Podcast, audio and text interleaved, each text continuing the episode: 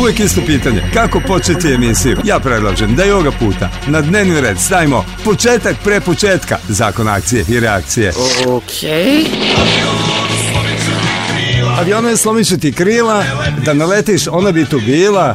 Joj, ako ti uhvatim pilota, lišit ga njegovog života. Porini su stihovi koje nikada nisam shvatao lično, jer ako je ona odlučila da odleti redovnom linijom u to vreme jata, zato što je se Bora smučio, što bih ja za to bio kriv? Devojka kupila kartu, uredno prošla kroz rengen s ručnim prtljagom, sela kraj prozora i odahnula s olakšanje jer se, uh, oslobodila smarača. Međutim, postoji druga mogućnost. Devojka je bila, recimo, s Borom, u ono vreme golin ko pa natrčala na momka koji M nije bio gol ko pištoljak, M je u sav pripadajući šarm imao još i privatni avion. Ko da mu odoli? Ne bih ni ja na njeno mesto Tu se menja i poenta. Imućni pokvarenjak je nagovori da pobegnu, ona razmisli o praktičnim stranama života i pristane na avanturu zbrišu Bori na očigled. Njemu se naravno za krvavi i nastane pesma Avione, slomiću ti krijeva. Tako da mi je ovo drugo logičnije i nikad ne nisam brinuo za svoj fizički integritet, pogotovo što sam Boru i sam u više navrata zaista vozio avionom, on i to ni mali sportskim kada smo zajedno bacali plakate za mega koncerte riblje čorbe na sajmu, ali i velikim Boeingom kada je odlazio na Tezga negde u EU. U stvari, zašto bi uopšte sekao granu na kojoj sedi lomeći krila aviona u kojem se vozi, da bi se svetio pilotu koji nema veze s njegovim bedakom, a usta mu je i drug. Stvarno bi bilo iracionalno. Možda je pomalo iracionalno i to što i sam malo malo pa nađem razlog da progovorimo o svom spisateljskom čedu, sedmom po redu, o pilotskoj knjizi ali zašto bi se posipao pepelom zbog lažne skromnosti kad imam dosta razloga da to ne činim, stoga i ne bih. Dakle, u par navrata sam o ovom svetom mestu zvanom Zair, rekao to pre par nedelja, govorio o mojoj pilotskoj knjizi, ali uvijek kako mi neki zameraju sa malom distancom, da ne kažem nekako uzdržano. Šta mogu? Vadim se ja. Nisam lokalni bukač pa da viknem. Navali narode još malo pa nestalo. Vidi je, dobro uhranjena sa svojih pola hiljadarke stranica, a tek što prija napaćenoj pilotskoj duši. Mada bi tu umesto one brzo govoreće napomene koje ide uz suplemente ishrani da za sve ostalo obavezno konsultujte svog lekara ili farmaceuta, trebalo da stoji da za sve ono što vam stoji na putu do pilotske dozvole obavezno konsultujete svog ličnog sponzora Da, letenje, o, tako skup sport. Naročito kad ste na početku i kada još ne znate koja će vam se vrata i da li će se uopšte otvoriti kako biste jednoga dana vratili sve ono što ste uložili u sebe i u svoje ambicije. E pa da se sada ne bih ja vrteo kao kumlonimbus, to je onaj grmljanjenski oblak, oko Kragujevca što se vrti. Sve govoreći, a ništa pohvalno ne kazavši u svojoj knjizi, progovorio onaj koji je izdao, znači izdavač. Jer kada bacite pogled na njegovo ime, pomislite da je mali ovo lišni i da ćete morati lupom da ga tražite jer se zove mikroknjiga. A nije, veliki izdavač i stari izdavač, u, još iz sredine 80. ih datira.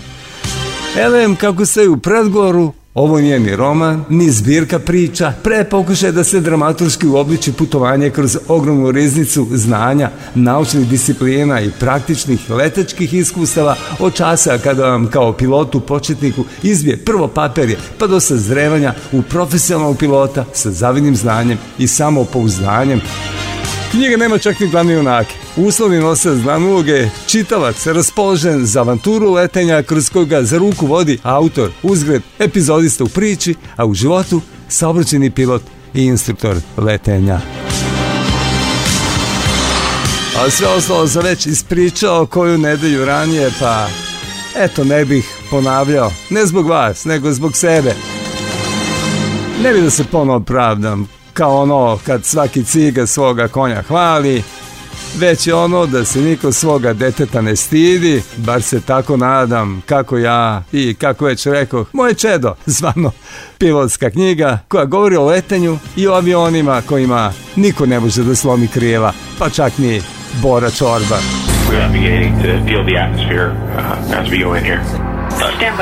Korak dalje. Izazov. TDS warning is okay. Korak napred. decelerating. Technološki drugačiji. We're at 15 kilometers altitude. We are decelerating. Brži. 6.5 kilometers ascending. Intuitivniji. He is still strong. Zabavniji. Zoran. Modri. Power transfer is complete. 3, 2, 1. Zakon akcije i reakcije. Dobar dan, došlo vreme da zaključim audiciju kandidata za najnoviji zakon akcije i reakcije. Primljeni su Milan Živanović, Marijana Pečić, Boris Miljković, Igor Il, Ivan Trajković, Markus Maki, Martin Angler i Srđan Brdar. Imamo jednog bonus kandidata, to je Miodrag Kuzmanović. Zahvaljujući čemu Pa zahvaljujući novom talasu kao državnom projektu, gradu pravednika, gradu prokletnika, vrednostima vaših podataka na internetu, borcima za demokratiju koji su neumorni, odgovoru na pitanje šta se zahteva od dobrog naučnog novinara, epskim izazivačima u digitalnoj distribuciji igara, Petga robotima na festivalu nauke, dronovima protiv drona, Google koji ima novog šefa, kriptovalutama koji su raj za sticanje nezakonitih dobiti, lažnom princu koji je na prevarama zaradio milion dolara, Linuxu na smartfonima, bolje na smartfonima telefonima nego na sedativima. Milionima koji još uvek koriste Windows XP, MIT ekspertima koji navikavaju autonomne automobile na sebične vozače, muzičkom albumu na cartridge za Segu, pametnom telefonu koji utiče na razvoj dece, Snowdenu koji kaže da bi više ljudi trebalo da koristi siguran software. I jednom avionu kojem niko nije slomio krila, pa ni Bora Čorba. Eto vas zajedno sa mnom na početku novog zakona akcije i reakcije čiji znači, redni broj ne sme ni da izgovorim, bože. 1, 2, 3, 4, 5, 6, 7, 8, 9, 10, 11, 12, 13, 14, 15, 16, 17, 18, 19, 20, 21, 22, 23, 24, 25, 26, 27, 28, 29, 30, 31, 32, 33, 34, 35, 36, Ovo je emisija broj 999. Ne verujete? Još jedan put. 999. Treba li ovo i da odskandiram? Čitajte mi sa usana.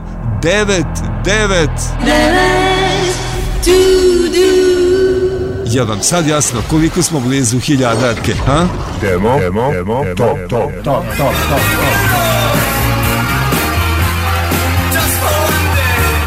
Veličanstveni demosi. Ovo je jedan od velikih demo snimaka sa demo topa 10 ventilatora 202 iz 1983. godine.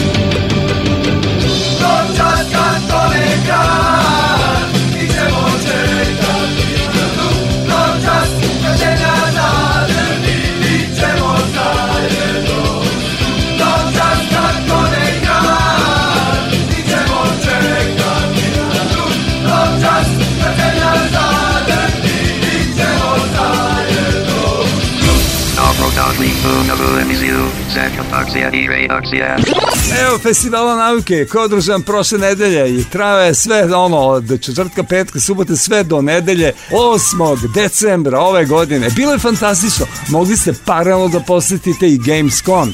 Dakle, ako ste bili, kao što ja nažalost nisam, onda ste mogli da vidite i 5G robote na festivalu nauke. Hi, ih, zair! se oduševio da je bio na licu mesta. Naime, pete generacije mobilne telefonije već izvesno vreme tehnološka tema broj 1. Predstavljanje mogućnosti 5G tehnologije na festivalu nauke, M-Tesnac je u saradnji sa kompanijom Ericsson dobro na korak bliže budućnosti koju želimo da naslutimo. Posetioci ove postavke imali su priliku da razotkriju u kojim sve oblastima će ova tehnologija uskoro naći svoju primjenu robotizacija mnogih procesa samo jedno mogućnosti koja je na festivalu bila prikazana kroz dinamičnu igru dva simpatična robotića koji se kreću putem senzora za svetlost i za boje. Mnoge oblasti će doživjeti krupnu transformaciju i sasvim je jasno da primjela 5G tehnologije neće zaobići ni gaming industriju. Gameri znaju koliko je važno da imaju brzi pouzdan internet bez kašina, a 5G će upravo to da obezbedi. Da VR okruženje nije pouzdan blogdom da samo za gaming, posetioci su mogli da otkriju tokom virtualnog obilaska nekoliko objekata u Švedskoj, gde su mogli da steknu veoma detaljan uvid u unutrašnjost jedne uobičajene poslovne zgrade ili doma, gotovo kao da se tamo upravo nalaze.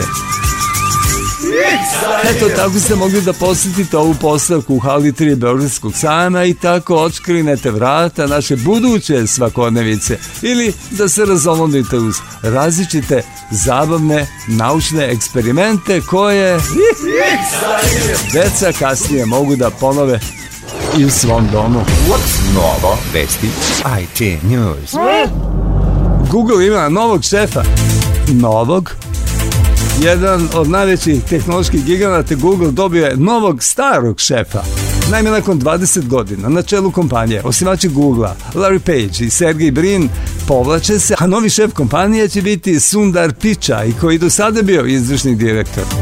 Inače, Google je sada samo deo krovne kompanije Alphabet, koja obuhvata i mnoge druge projekte kao što su Vimo, Calico, Loon Internet i Sidewalk Labs. Page i Brin ostaju u glavnom odboru kompanije kao i među najvećim akcionarima, što je valjda izočekivati. Our new commander, Marcus Aquila. Is your first command, sir? It is. Ah! Ready? Number one!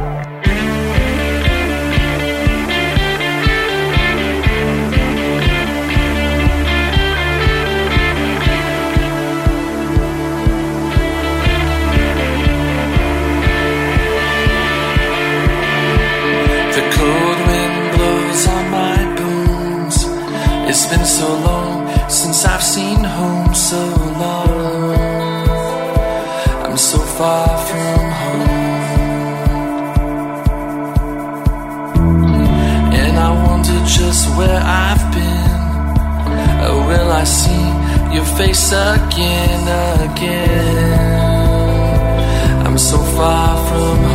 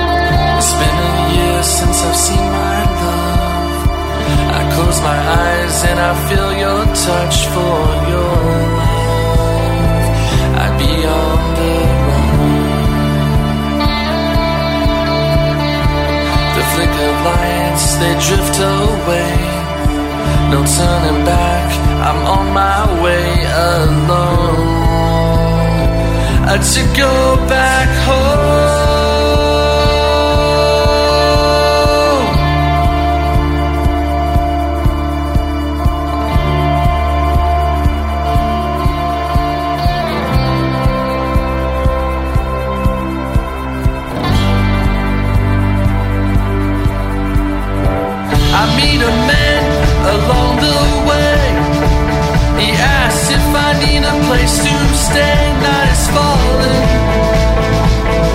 and so.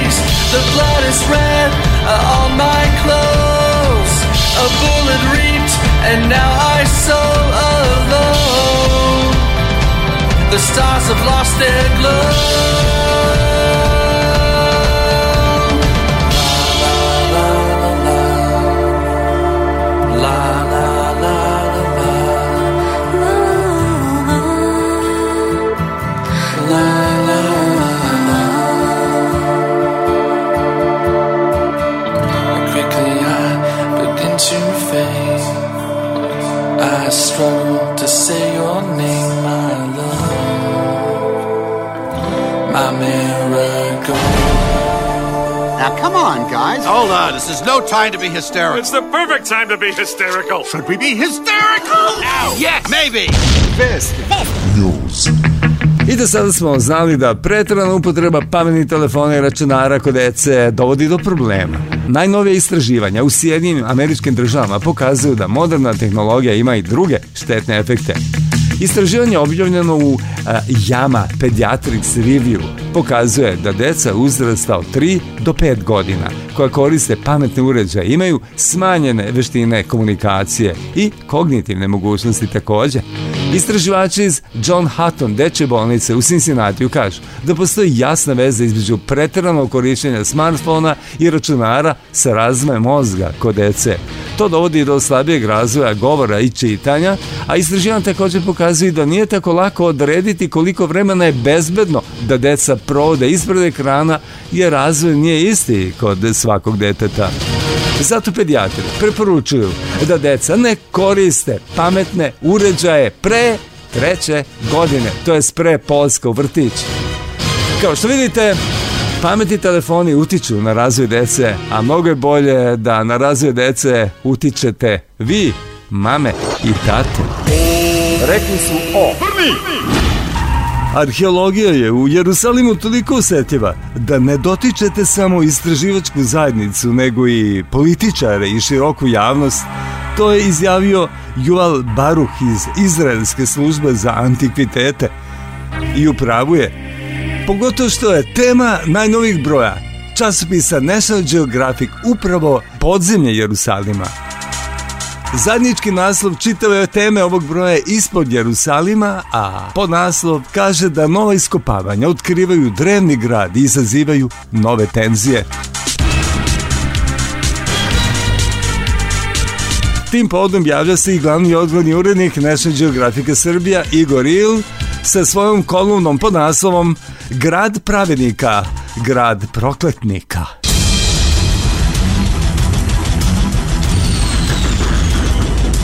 Jerusalem, Jerusalim ili Jerušalajm, što na hebrijskom znači dom slobode. Grad je koji u monopolističkim religijama, judaizmu, hrišćanstvu i islamu ima izuzetan simbolički smisao.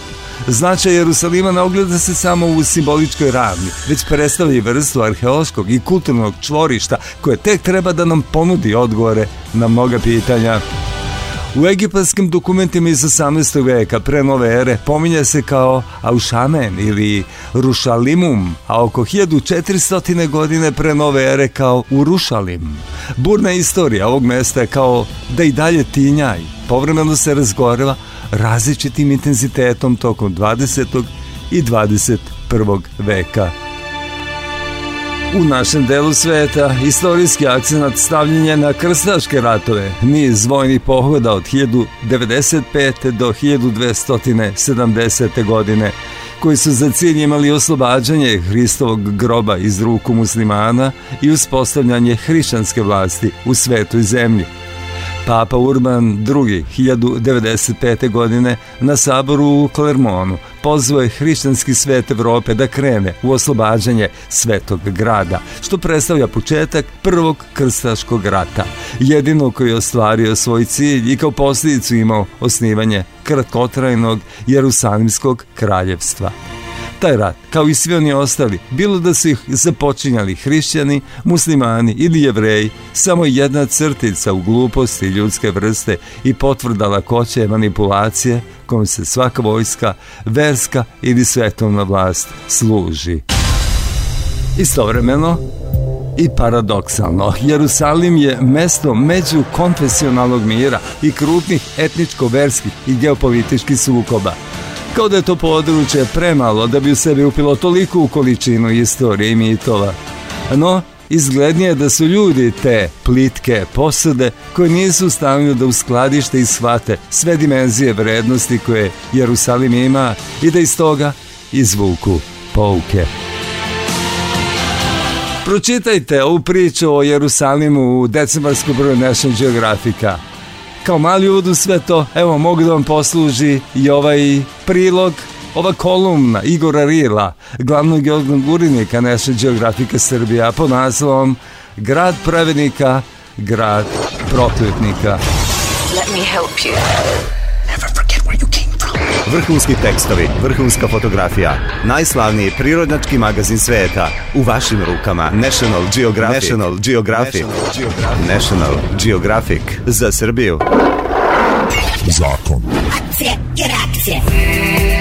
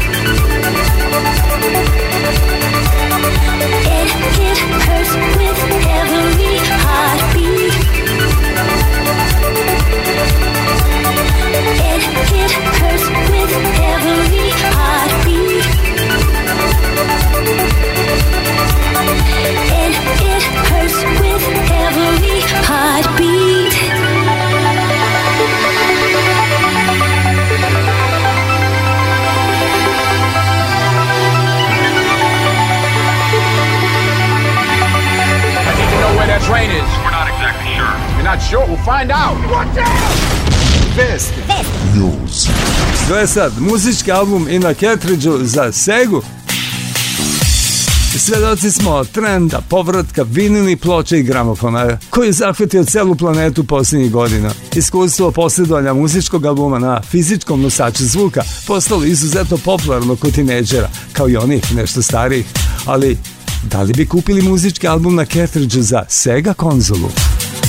Naime, pored starih nosača zvuka svoju novu mladost doživljavaju i klasične konzole za video igre, kao i film Polaroid u svetu fotografije.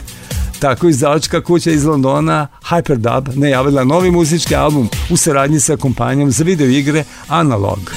Cartridge će moći da svira na Sega Genesis Mega Drive konzolama, kao i na Mega SG klonu koji proizvodi upravo Analog. Na albumu će biti numere popularnih izvođača Burial, Lee Gamble, Prosfiskal i Code 9. Ovaj sveplisni muzički kertrič moći će da se kupi u paketu sa Mega SG konzolom. I eto vama sada i svega mega muzike.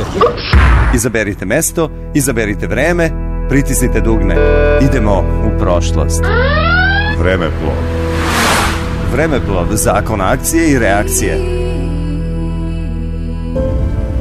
kao što sam obećao u prošlom zajeru, danas u vreme plov 7 i od Kuzmanović Kuzma. I on nas vodi kroz decembar mesece, ali kroz godine koje on izabrao. 1994. 2000. i 2007. Pa da krenemo, kao što rekoh, utvrđenim redosledom od decembra 1994. 10 godina nakon one Orvelovske. 2. decembra te godine vlada Australije donosi zakon o naknadi štete domorocima koji su tokom 50. i 60. godina raseljeni zbog nuklearnog testiranja. 10. decembra Jisak Rabin, Šimon Perez i Jaser Arafat dobijaju Nobelovu nagradu za mir. Četiri dana kasnije u Kini počinje konstrukcija brane tri klisure, najveće hidroelektrane na svetu. Hajdemo sad na svet kompjutera. Tog decembra 1994. štampan je njegov 123. broj. Tema broja pomoćni programi za rad sa diskom. Svevremeno se je mogla čuti izjava da Norton Commander i slični programi zaglupljuju ljude. Ima li istine u tome? Ovaj moćni po naslovu tekstu o file menadžerima opisuje absurdni mentalitet ranih ultra hardcore PC frikova koji su fajlovima manipulisali iz komandne linije, prezirujući programe koji su taj posao olakšavali. Gde su nestali ti veselnici? Neki su pomrli, a neki su istaknuti članovi Linux zajednice. Dalje, pišemo prvoj verziji Rara, naslovljavajući tekst sa Ruski arhiver – a RJ format kompresije konačno je mogao da ide u penziju. U svetu igara svega pomalo, uključujući opise i Dark Sun, Wake of the Ravager i Premier Manager 3. Ali po impozantnosti se ipak izdvaja majestralna kombinacija opisa i walkthrougha, spektakularne avanture Sam and Max Hit the Road. Igra ovako kalibra oko vam pripoveda Slobodan Macedonić. Ima li veće sreće na ovom svetu? Dobro, toliko u decembru 94. godine. Hajdemo sad u isti mesec 2000. te Nekako deluje blisko, i, ali za neke i klisko. Naime, 13. decembra američki podpredsjednik Al Gore priznaje poraz u predsedničkoj trci sa Georgeom Bushom mlađim, ali kontroverze sa prebrojavanjem glasova ostaju do današnjeg dana. Dva dana kasnije, treći i posljednji aktivni reaktor u nuklearnoj elektrani Vladimira Ilića Lenjena u Pripjatru prestaje sa radom, čime se stavljao i katanac na bravu kompletne elektrane. Telo Valerija Hodemčuka, pumpnog tehničara i prve žrtve u eksploziji reaktora broj 4 i dalje zakopano u njegovim ruševinama. A svet kompjutera, decembra 2000. izašao njegov 195. broj, a na nasoj strani via chipsetovi. Da, iz ove perspektive bilo kakva pozitivna priča, to je pošast je deplasirana, ali neke bivše autore sveta kompjutera tada nije bilo moguće nadglasati. U rubrici Internet pišemo o novim nasavcima URL adresa com.net.org. Konačno su dobili društvo godišnjeg sastanka ICANN-a igara koliko hoćete, ali hajde da preskočim pa da pređem na decembar 2007. 19. decembra te 2007. godine, samo pre 12 godina, plemeni, plemet, nije plemeniti, plemenski savet Lakota indijanaca proglasio istupanje iz Sjedinjenih američkih država i poništavanje svih ugovora koji imaju sa SAD-om. 21. decembra Šengenskoj zoni pridružuju se Češka republika, Estonija, Mađarska, Letonija, Litvanija, Malta, Poljska, Slovačka i Slovenija. 27. decembra bivša pakistanska premijerka Benazir Buto gine u atentatu bombaša samoubice. Tog decembra 2007. štampan je 279. broj sveta kompjutera, nimalo jubilarni, ali kao i svaki prethodni, kao i svaki budući, podjednako značajan The Way It's Meant To Be Built nazve teksta o prvom modelu GeForce 8800 GT a smo dobili na test ova, po mnogima istorijski, najoptimalnija grafička kartica iz Nvidine kuhinje, svakako ekstremno jaka za relativno malo para, postala je apsolutni hit na našim prostorima. U redakciji imamo još jednu koja još uvek radi. Toliko danas o Jeseku, Šivanu, Jaseru, Krajsisu, Vičeru i ostalim dugodoštinama koje su hujale stranicama sveta kompjutera u našem vremeplovu za čim komandama je bio Miodrag Kuzmanović Kuzma, vodeći nas kroz decembre mesece 1994. 2000. i 2007. godine. Tako smo stigli do današnje poslednje stanice. E, srednja vrata, molim. This should help you remember everything. Zair. Zair.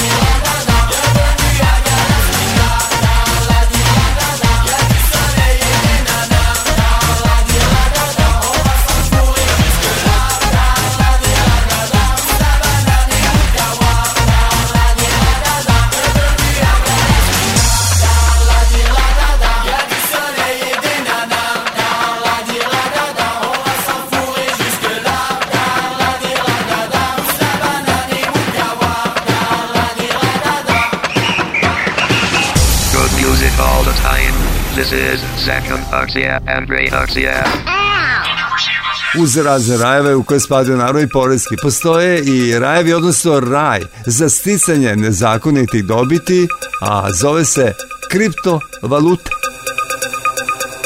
Kriptovalute kao što su Bitcoin, Ethereum, kao i Monero, sve su češće valute koje biraju trgovci narkoticima, te oni koji se bave drugim vrstama kriminala. Kako je popularnost digitalnih valuta rasa, tako su kriminalci dobijali sve više prostora da svoje nezakonite aktivnosti sakriju iza privatnosti i anonimnosti na koje se zasniva blockchain tehnologija. Globalni gubici kada reč o kriminalu vezano za kriptovalute tokom 2019. godine porasli su za preko 150% u odnosu na one zabeležene 2018. Na to ukazuje izveštaj koji se bavi forenzikom blockchaina agencije CypherTrace koji nudi podatak da je tokom 2019. godine šteta uzrokovana kriminalnim aktivnostima na polju kriptovaluta iznosila 4 milijarde i 400 miliona dolara. Takvi rezultati ukazuju na to da SFBA pregovarači prilagođavaju pa ciljaju veći plen, što podrazumeva i velike i dobro planirane napade od kojih se nije lako odbraniti. Za gubitko od početka 2019. godine najzaslužnija su dva slučaja. Ponzi šema koja se sprovodila na kriptomenjačnici Plus Token i koja je žrtve koštala čak 2 milijardi 900 miliona dolara, kao i slučaj menjačnice Quadriga CX čiji je osnivač početkom godine preminuo i sa sobom odne u grob kripto ključeve za digitalni trezor. Tom prilikom je nestalo kriptovaluta u protivrednosti od oko 195 miliona dolara o pokojnicima sve najlepše, ali kada dva metra pod zemlju odnesu i dragocenu šifru, onda je stvarno teško iskopati i neki kompliment za njih. Tema bez problema.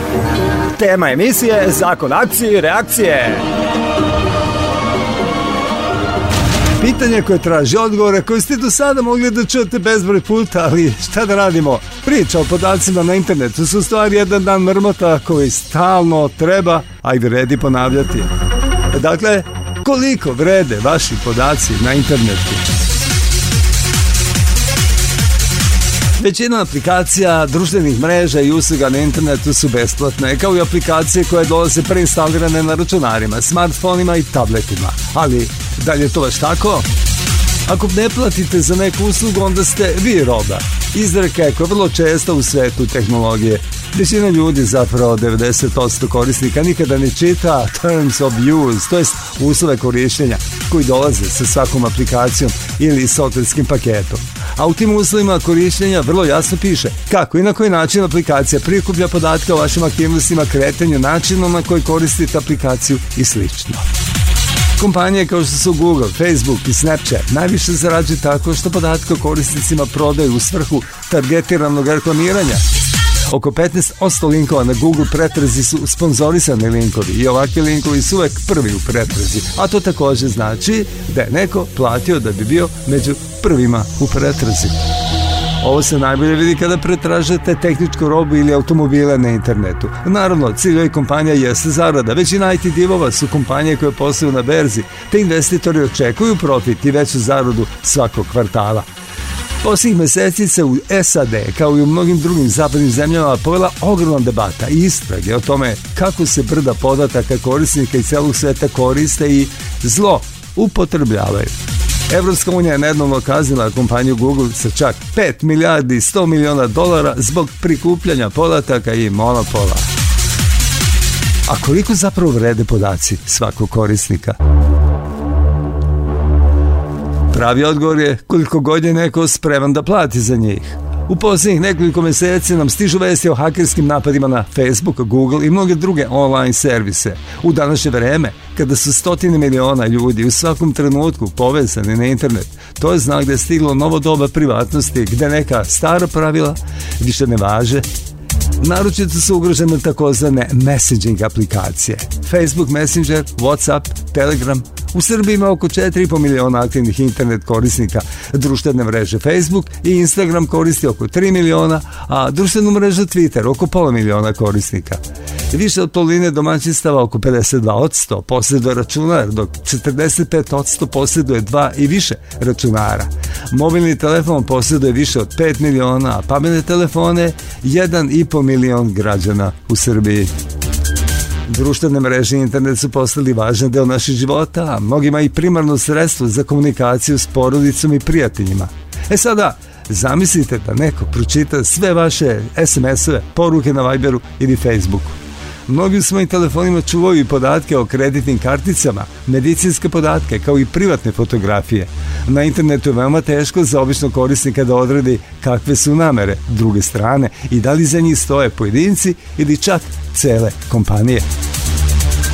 Aktualni izbori u SAD i EU su otkrili i jednu novu stranu društvenih mreža, a to je utice na samo biračko telo i pokušaj da se javni diskurs skrene u jednom ili drugom pravcu. Tu je takođe i poplava lažnih vesti sa svih meridijana, na šta ni Srbija nije imuna. Da bi se zaštitili, na internetu se ponašajte kao i u stvarnom životu.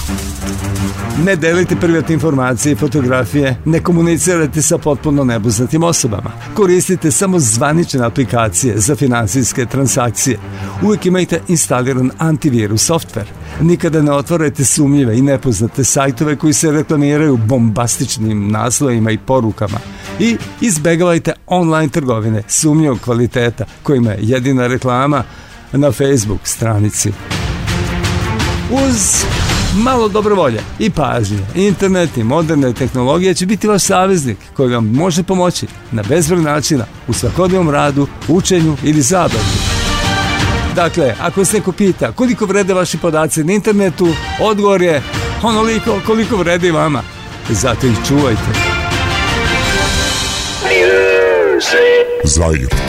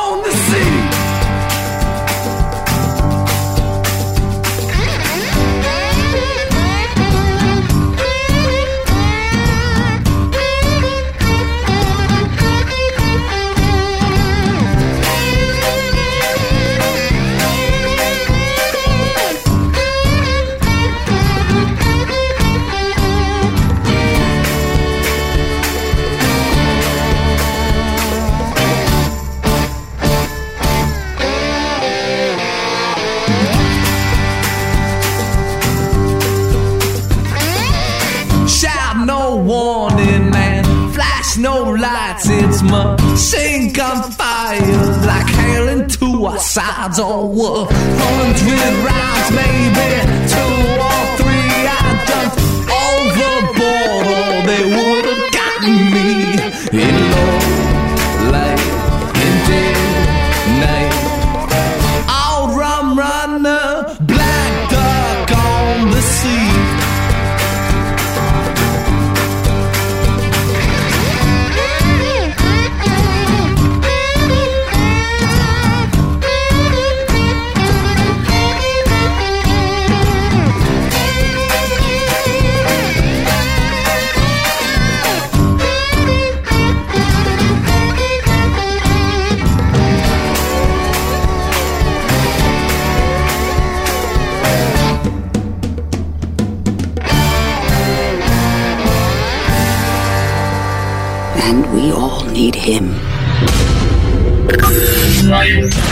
uglavnom protiv drona.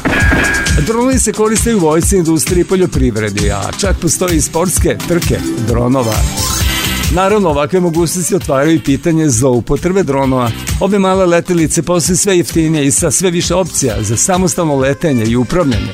Mnoge zemlje su ograničile zakonom gde sve možete upravljati dronom, kao i visinu njihovog leta, a mnoge oblasti u gradovima su zabranjene za dronove.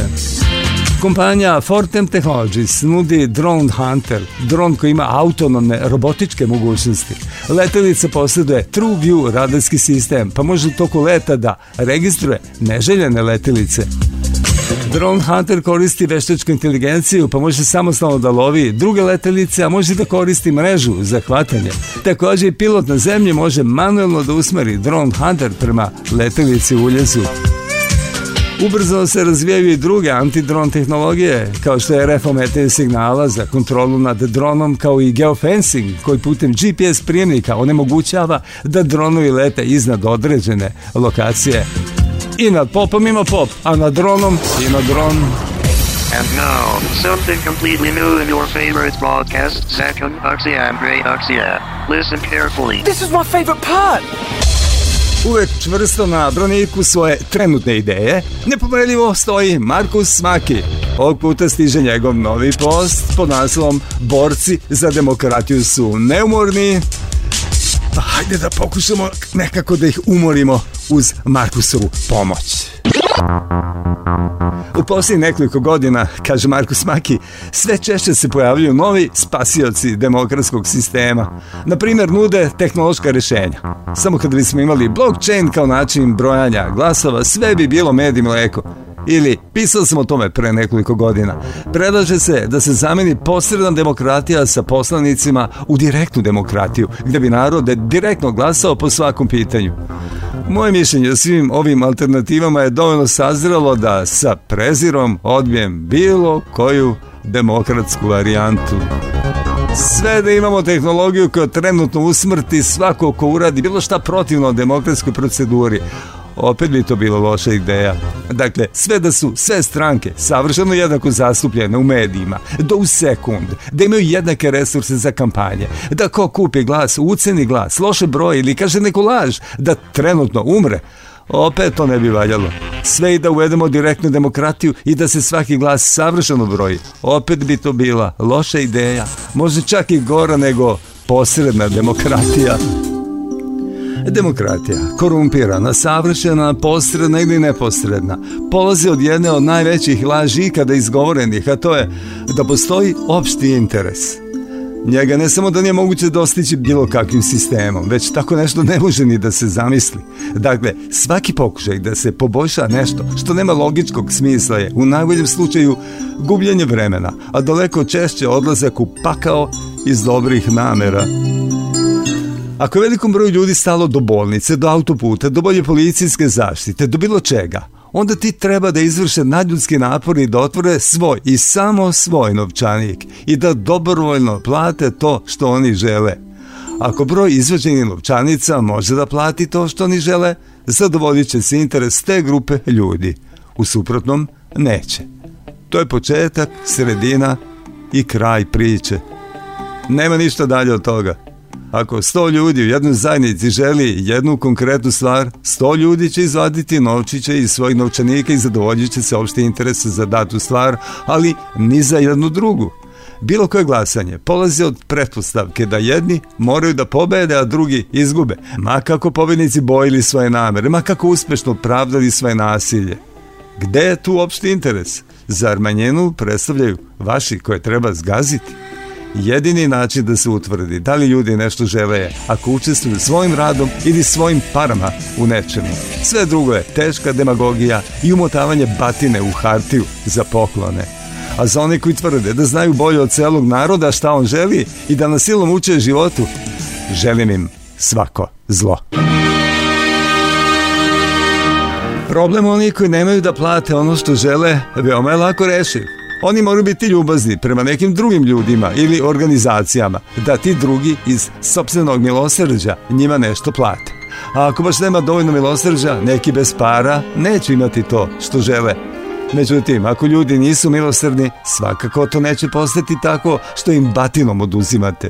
Naprotiv, postaće još gori samo će početi da se otimaju za tu istu batinu, što je upravo sistem u kome živimo kao i obično, dobre namere, kao nasilno pomaganje siromašnih vode u pakao. Sa druge strane, samo čist račen i dobra volja vode ka dugoj ljubavi, a ljudi će biti milosrdniji onda kada prestane da se otima od njih. Ako odlazite iz zemlje zato što ste razočarani političkim sistemom, jako grešite. Na zapadu isto, a u nekim aspektima gore. Ne, ni ovde ne postoji sloboda. Da, i ovde političari zajedno sa svojim kapitalističkim burazerima otimaju. Jedino što je bolje na zapadu je što još uvijek ima dosta više para, pa sve izgleda lepše. Do 90. godina Zapad se pomalo i trudio da prikoči sa režimom stege, jer imao velikog neprijatelja SSSR od pada Berlinskog zida nema za tim više potrebe, pa zato svaki dan sve gore i gore Zato, kada pakujete kofere, imajte na umu šta da očekujete. Novac ili slobodu. Novac ćete možda i naći, slobodu sigurno nećete. I prestanite da postavljate glupa pitanja zašto Evropa ne reaguje na negiranje slobode u Srbiji. Pa ni ona je nema.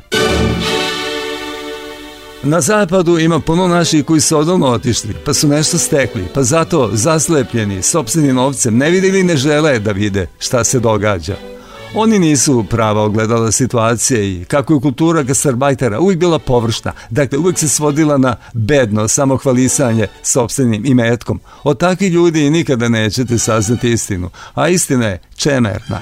Evropa je sovjetski gulag u rukavicama, a kako vreme prolazi i rukavice se tanje. To ne znači da ne treba da emigrirate. Novac je važan u životu, ali je suštinski važno da znate i ostalo borba za slobodu mora da se nastavi, bilo da ostanete, bilo da odete, ali za pravu slobodu, a ne za onu koju elite odobravaju. Dakle, umesto besmisleni borbi za demokratiju, treba da se koncentrišete na smanjivanje moći države, za povećanje snage alternativnih privatnih institucija, za privatnu svojinu i robni novac. Za kraj, Pokušao bi da vam opišem kako ja vidim borce za demokratiju. Baš onako kao jugoslovenske 68-maše koji su kritikovali Tita što nema dovoljno socijalizma. Boriti se za bolju demokratiju ili više demokratije u 2019. godini je antiistorijsko.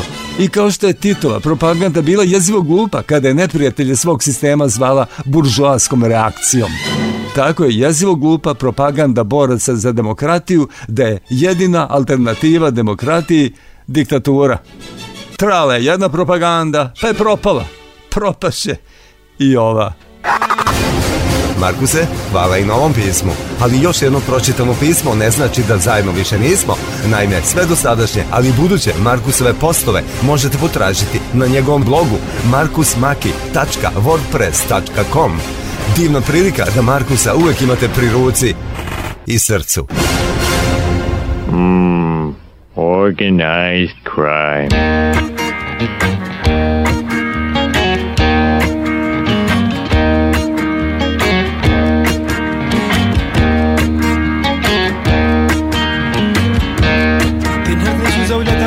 سي بداك لاكن سفلتينا لك انتشر غير سفر كانك تواجه رزم ظلمة موافني في ليكي لا تنبتال يا ماما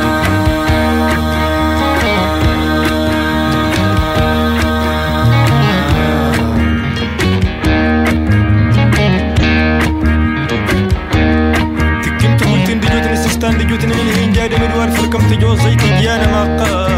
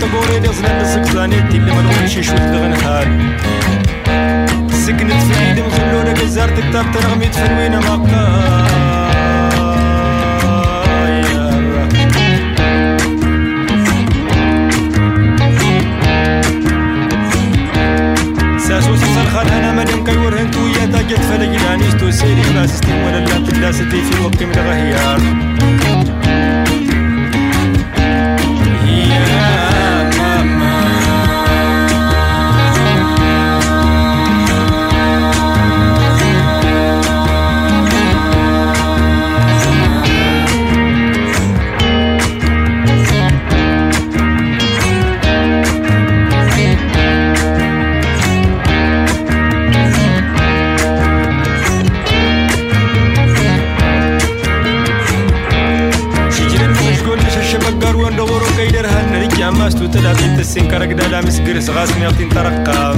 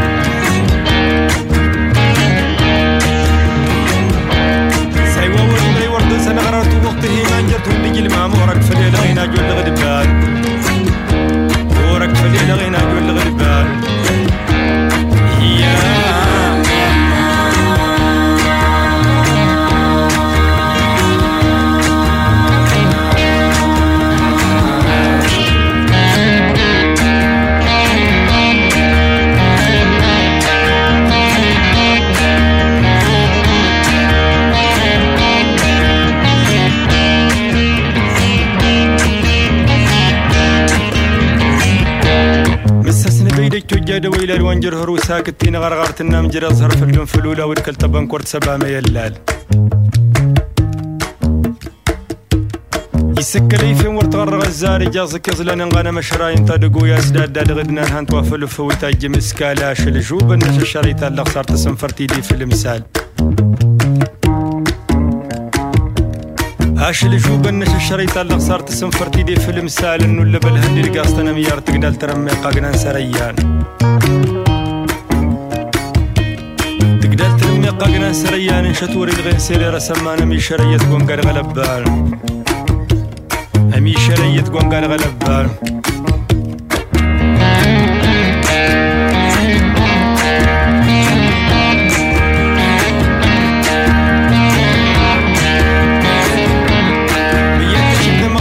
كاردونا تلاقى يتهمم شكين شار غيشي وزن لا هريتا من ويجي فاتي ولا اللان يفاتي ولا الأنبازاز ولا ما عندي رهن نرجوان الكالين عندك وسن حال الكالين عندك وسن حال الكالين عندك وسن حال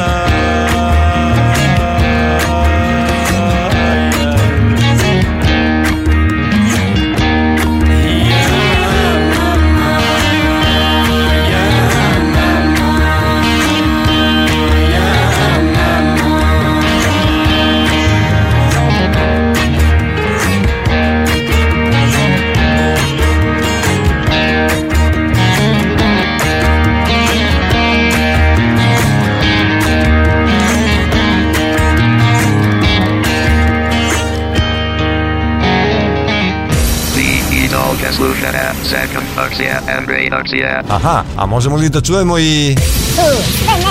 Zanimljivosti. Zanimljivosti. Naravno. Fantastično. Malo, malo.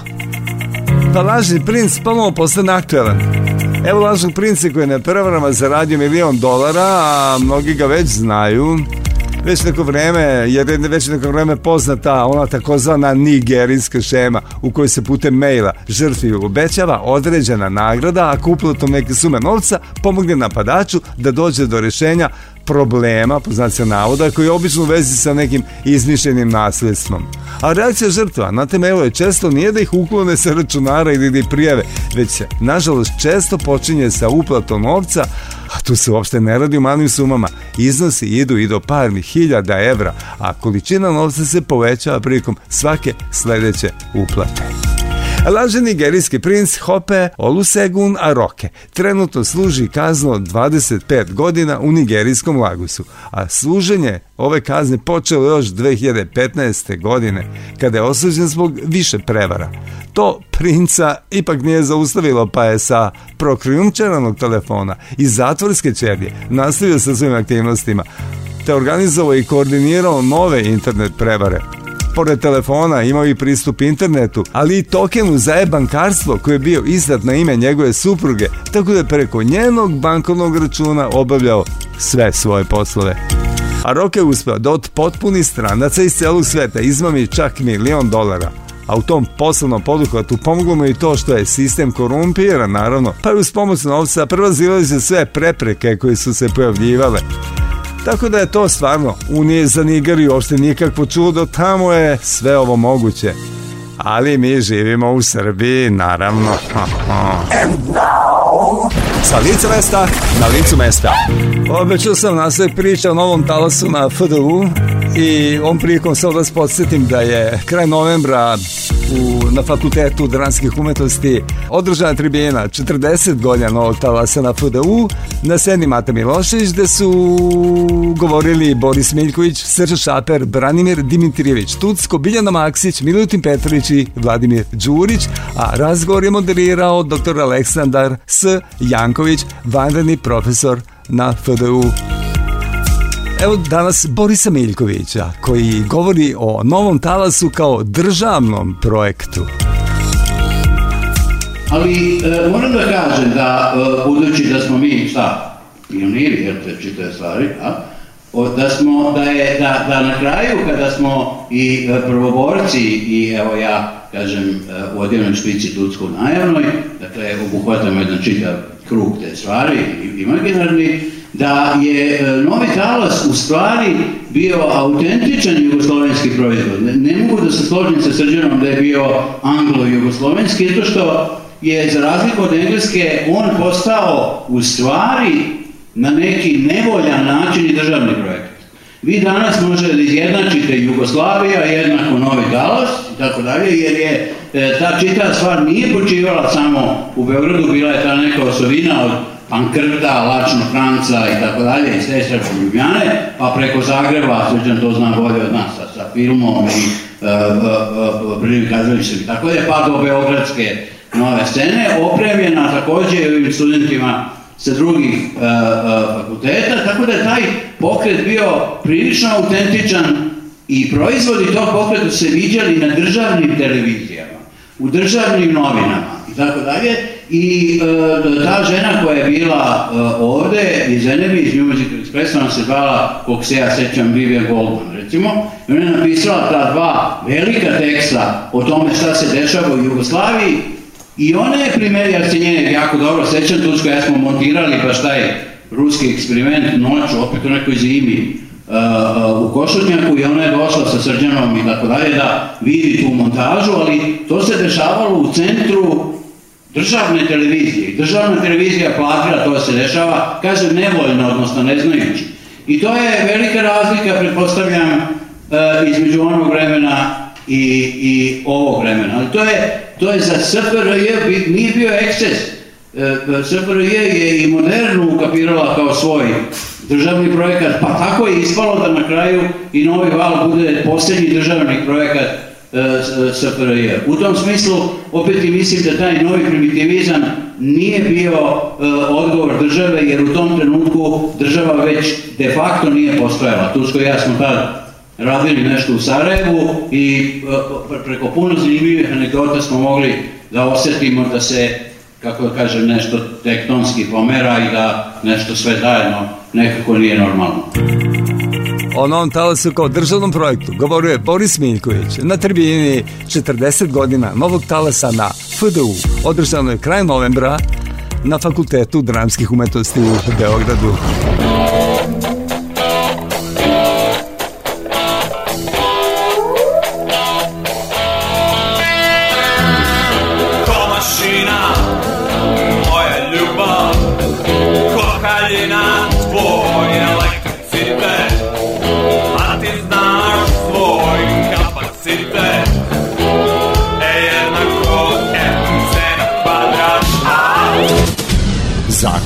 I always said she was a runner. Running through the fields, I put a gun, I put a gun to her. With a force, she came to kneel as she screams and in her own blood. Sympathy for you, I'll never have, I'll never have none.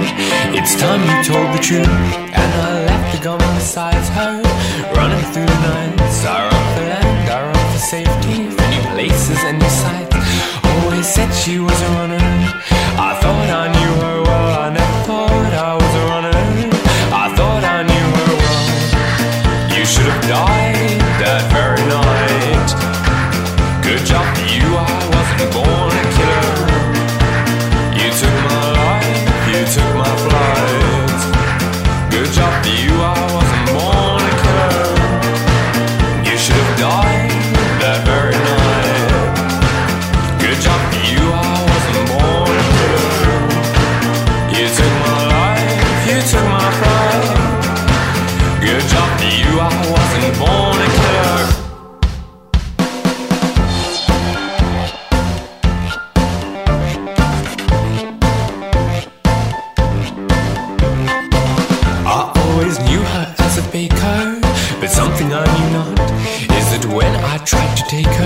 was something I forgot. For I knew I couldn't keep her, and running out of time, I tried so hard, I tried to cheat her. She was running in her prime, so I thought about my choices and chose to drop the gun. And among the screaming voices, something told me I should run. Never thought I was a runner. I thought I knew her well. I never thought I was a runner. I thought I knew her well. You should have died.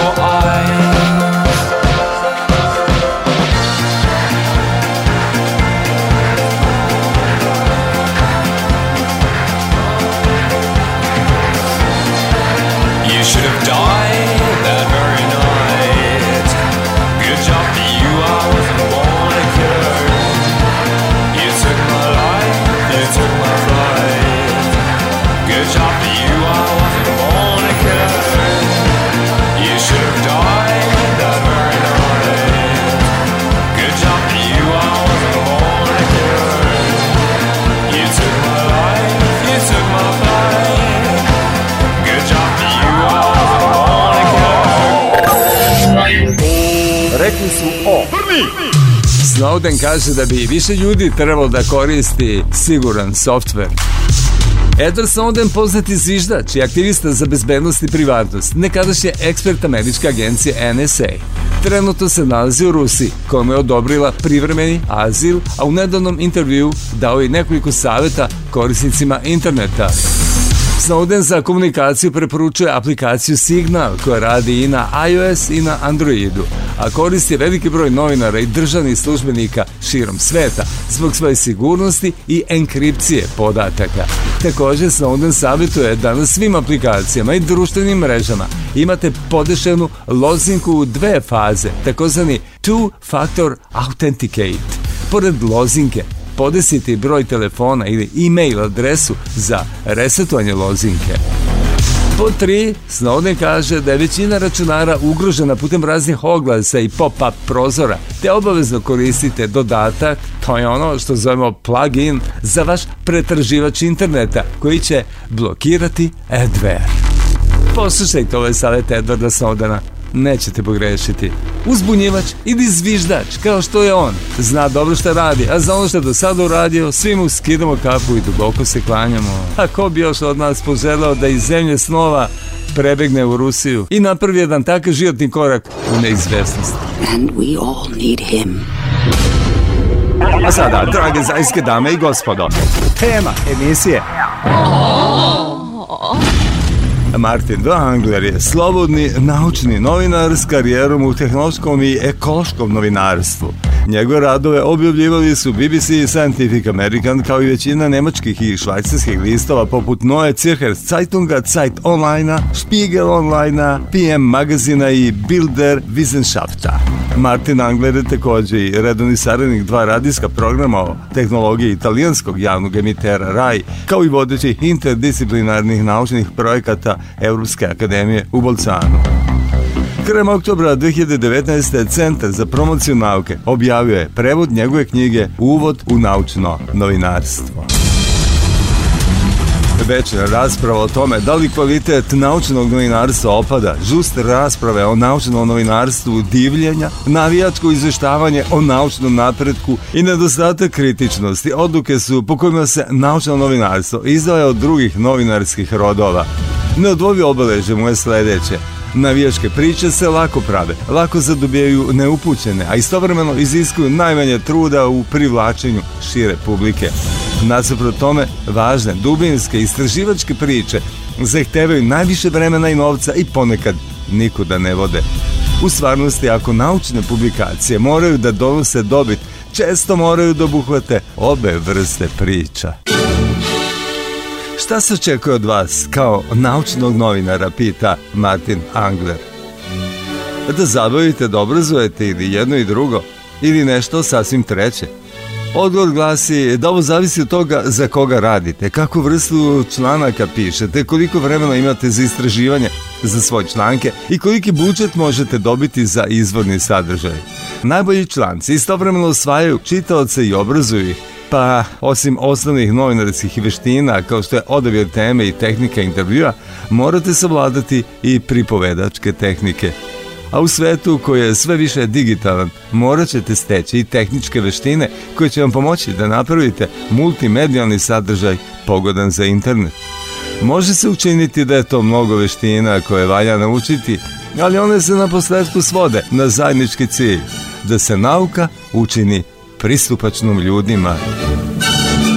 Ellen Rappel Shell 2016. kaže da je savremenom naučnom novinaru jedan od glavnih zadataka da pređe granice pukog objašnjavanja nauke. Tome se pak mora dodati vrednost. Dodatna vrednost ima toliki značaj jer ćete se suočiti s velikim suparništvom, ne samo s naučnim institucijama, nego i s naučnicima koji pokreću svoje blogove i tako dopiru do publike. Dakle, ako treba dodati vrednost, kako se to postiže? Počeću razmatranjem onoga što dodavanje vrednosti nije. Adaptacija saopštenja za medije i njihovo ponovno objavljivanje, njihova upotreba i pakovanje u novinski tekst. U osnovi to nije nimalo pogrešno, ali se puko obavještavanje preklapa s glavnim zadatkom onih koji su zaduženi za saradnju sa medijima, a to je promovisanja nauke. Umesto toga, novinarstvo mora da kritički ispita to šta ljudi žele da bude glavna vrednost. Pored svega toga, John Leach, direktorka Australijskog nacionalnog centra za društvenu svest o nauci, kaže da je zadatak dobrog naučnog novinara da neupućenoj publici pruži priče koje objašnjavaju principe nauke. Iste priče, kaže ona, uvek ponovno pričaju poput onih o revolucionarnim dostignućima ili otkrivanju novih horizonata. Iako naučeni novinari ne pišu kratke i elegantne novinske priče na papiru velikog formata, ako pišu knjige ili blog, daju nam skup priča u kojima sebi objašnjavamo principe nauke. To je ključni zadatak.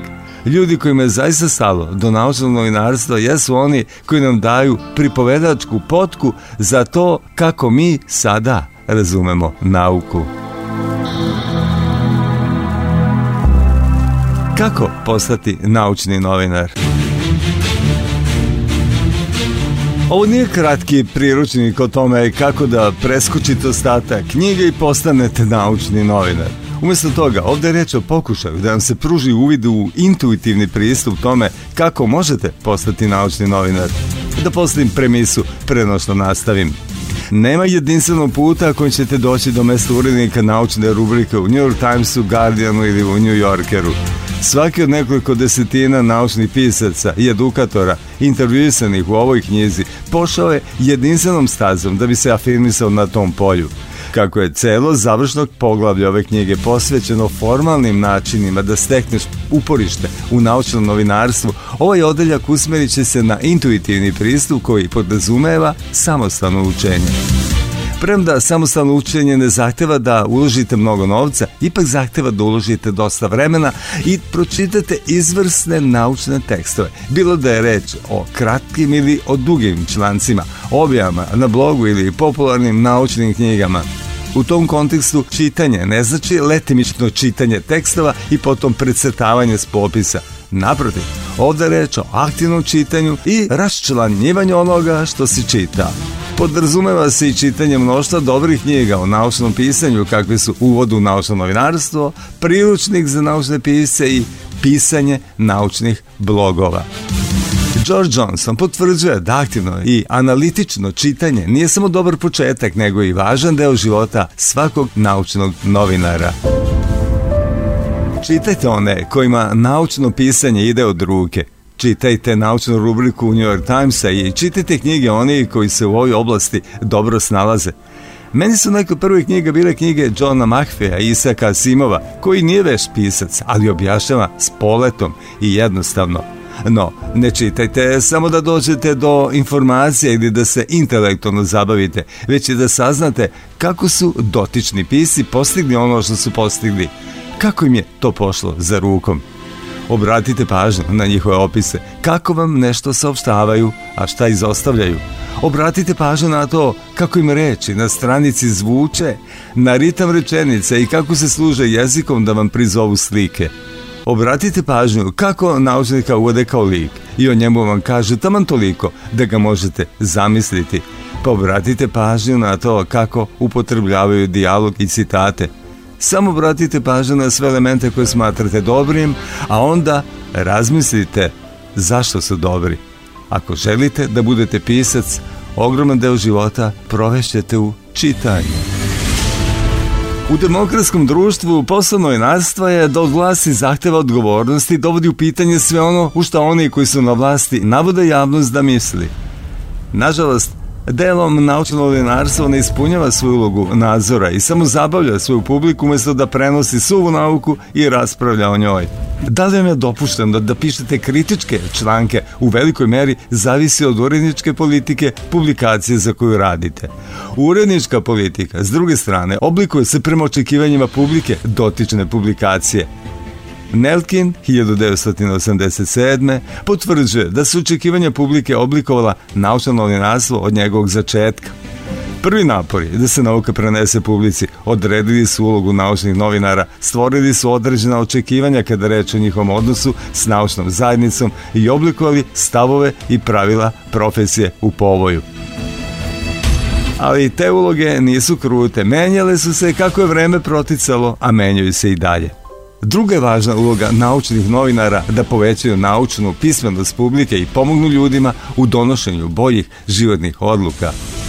Merkut Williams 2013. opažaju da se to posljednjih godina događa sve više i više. Mi smo pripovedači, kaže Tim Ratvor, ali s posebnom odgovornošću prema demokratiji mislim da je najpoštenije tako reći. Naša obaveza nije prema nauci, nije čak ni prema uredniku. Ona se odnosi na sam pojam demokratije, na to da ljudi imaju pravo da znaju šta se događa i zašto je važno da im se to kaže. To što se većina ljudi ne seća šta pročita u novinama ne znači da niste dobro uradili svoj posao. Znači samo da ćete isto morati da ponovite sutra i preko sutra. Ja sam otkrio da prvih 20 godina mog objašnjavanja šta je DNK nije značilo gotovo ništa niko to i dalje nije znao, a onda se odjednom pojavilo celo pokoljenje koje zna šta je DNK. Ako neku ideju želite da prodate uredniku, izložite u jednoj rečenici i to dobroj rečenici. Jer ako pozovete urednika, daće vam punu pažnju na oko 8 sekundi, a onda će početi da osutno šara ili da nešto traži.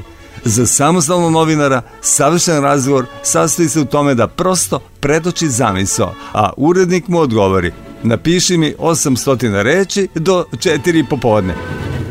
Pronalaženje ideja i njihovo plasiranje urednicima obrađuje se u naredna dva poglavlja.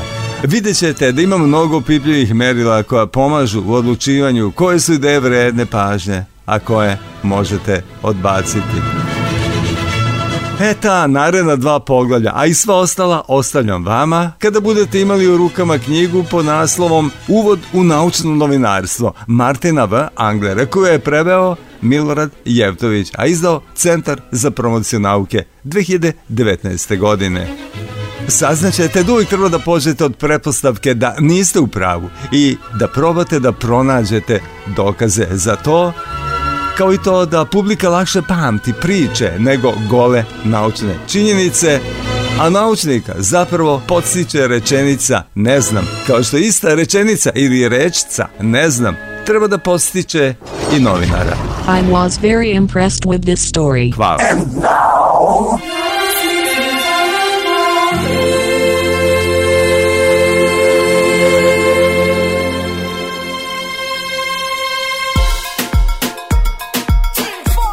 Egyptian movements. Classy fresco by the gal them star. You know how me and the gal them bar. View them close, not far. Pull G string like guitar. Real life, no skylark. Gal, you are the perfect distraction. Uh huh. When you whine in front of me, gal, you are the perfect view. Don't see no one but gal, you are the perfect distraction. Come give me what me want to see. You are the perfect. Don't see no one. But I come to match your wine, match your wine, match your wine. Take, take, take, take, take your waistline lower.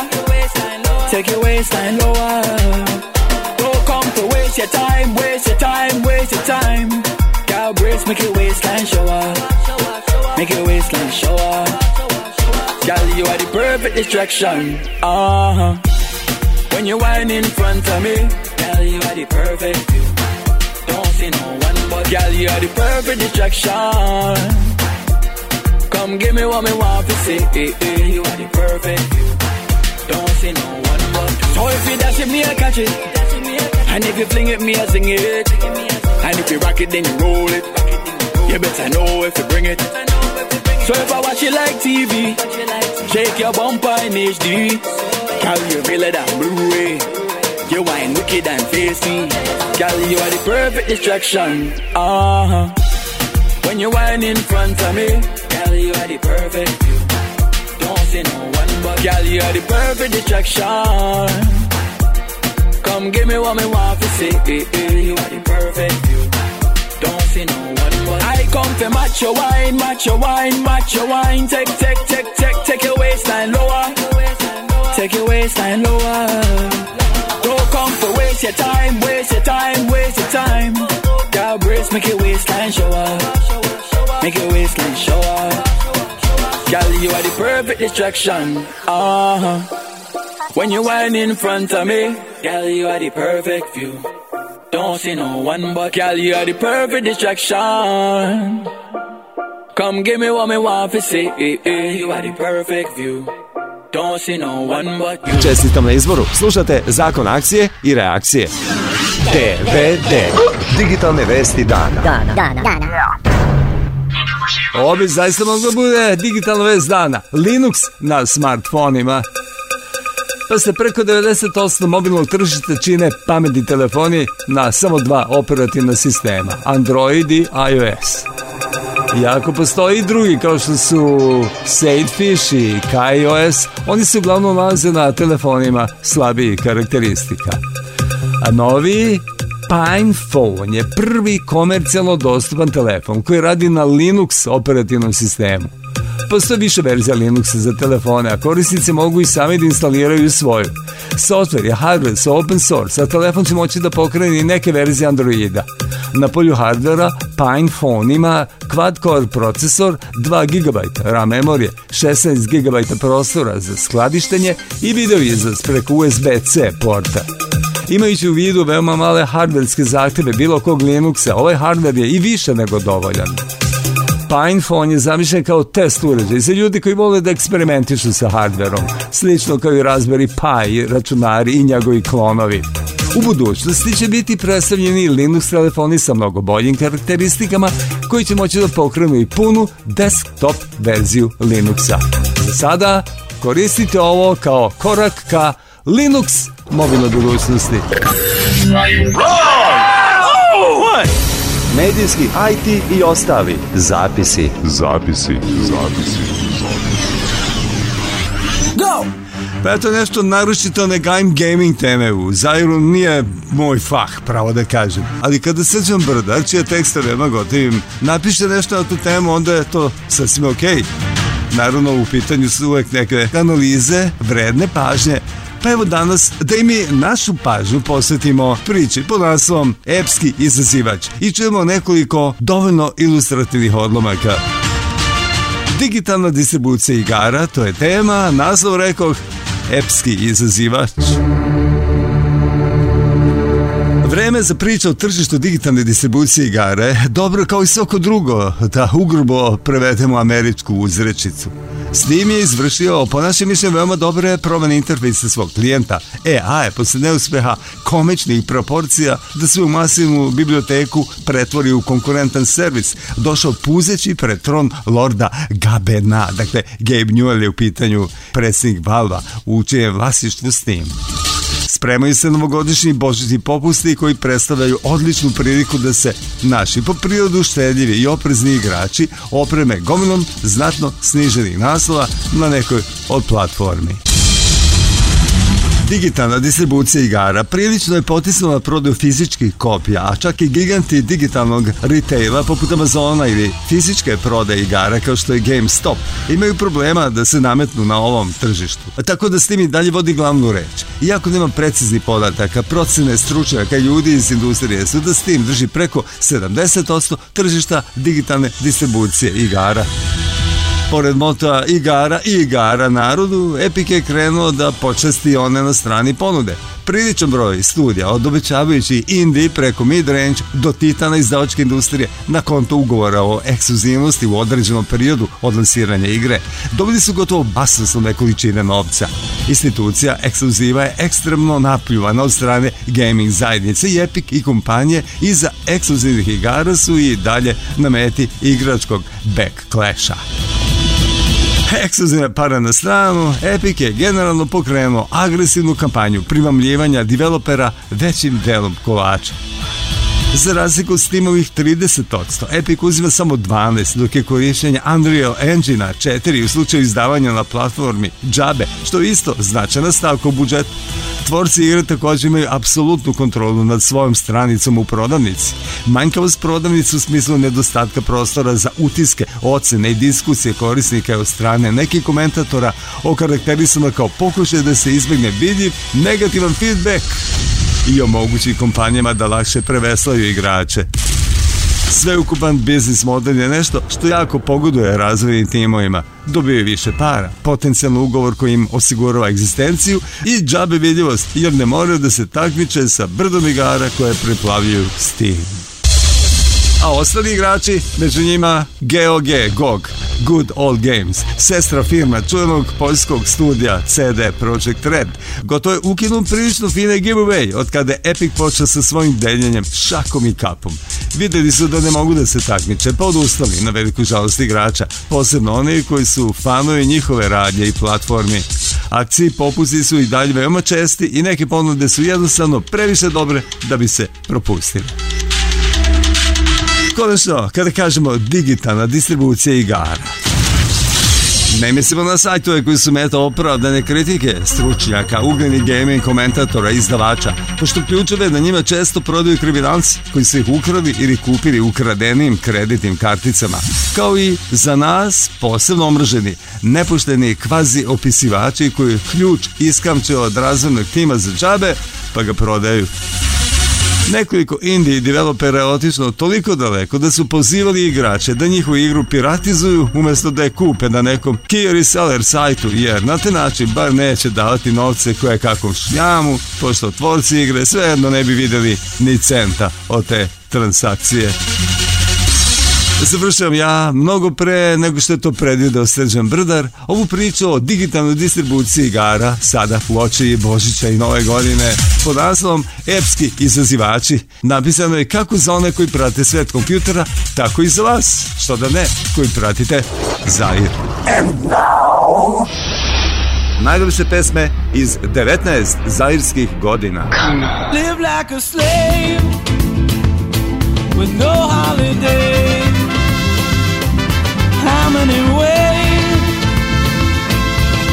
count the days. But it feels so good to be gone from my own kind.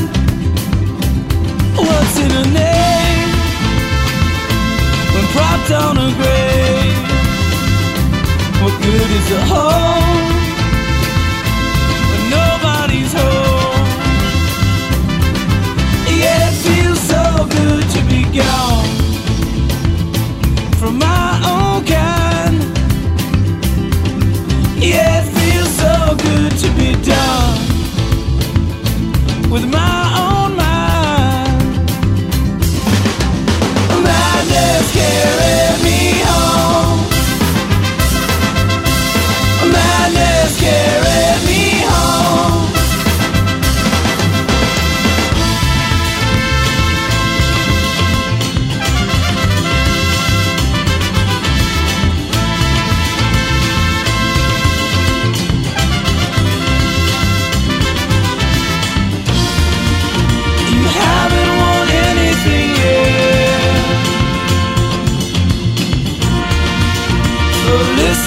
what we expect.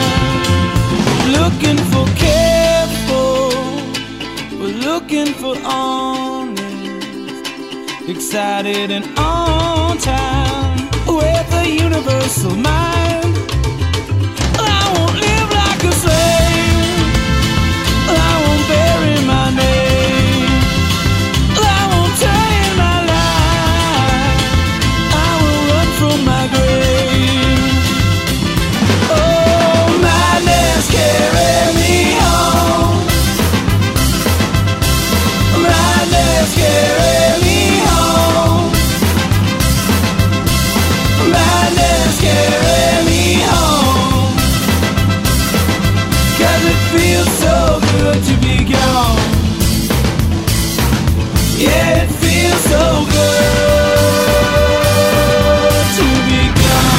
tek svet i haj muzika oko nas. Zakonaci i reakcije ide dalje. E pa, evo još malo novih vesti iz IT sveta. Tako je, kao što znate, milioni još uvijek koriste Windows XP. Iako Windows 10 odavno predstavljen, pa je samim tim i sedmica otišla u zaborav. Milioni računara širom sveti dalje koriste Windows XP. Iako nema tačnih brojki, procene su da oko 3,5% svih Windows računara i dalje radi na XP-u, a razlozi nije se samo finansijske prirode. Naime, većina ovih računara su zapravo bankomati. Za rad bankomata nije potrebna velika brzina. Software je veoma jednostavan. Tevi računari u bankomatima nisu menjani više od decenije. Takođe, u mnogim delovima Afrike, Azije, ali i Istočne Evrope, stari računari na XP-u se koriste u nastavi informatike, kao i u obuci za kancelarijske poslove. Zanimljivo je i da besplatni OS Linux dobija sve veći broj poklonika. Ljudi sve duže koriste starije modele, računara i laptopova na kojima Linux radi i brzo i efikasno. Pa zašto onda ne reciklirati nešto što i dalje valja, zar ne? Thank you for this info. What's novo vesti? IT News. Ima razi vozača, ali veštačka inteligencija ih deli samo na dve grupe, sebične i nesebične. MIT eksperti uče autonomne automobile kako da se nose sa ovim prvim, sebičnim vozačima. Svima koji su bar jednom učestvovali u saobraćaju jasno je da se vozači razlikuju, po tom duhu novo MIT istraživanje one koje upravljaju vozilima klasifikuje između ostalog i kao rekoh već sebične i nesebične vozače. Autonomna vozila polako izlaze na puteve, ali nije jednostavno da se navike kompjutera usklade sa navikama ljudskih vozača. Tako veštačka inteligencija često prepostavlja da se svi ljudi ponašaju isto, te da su predvidivi i racionalni, kao što naravno nisu. To naravno nije slučaj, pa se novo MIT istraživanje bavi načinima na koji bi autonomna vozila mogla da predvide i ponašanje onih vozača koji ne vode računa o drugima. Takve razumevanje uključuju i određeni stepen socijalne inteligencije, koju mašine još uvek nemaju, pa su naučnici odlučili da ponašanja, pored druge klasifikacija, podelaju sebična i nesebična. Moment u kojem mašine shvataju da nisu svi vozači isti, važan je za bezbednost na putevima koje mašine dele sa ljudima, budući da rad sa ljudima zahteva i razumevanje, čak predviđanje njihovog ponašanja. Sistemi su obučavani uz pomoć primjera, pa je zabeleženo da su autonomna vozila koja su obučavana na osnovu različitih modela ljudske vožnje i ponašanja pravila manje grešaka tokom testiranja. Eto, još jednog dokaza koliko naša prirodna ne inteligencija složenija od veštačke inteligencije. I great music for a great city. Ooh, let's go!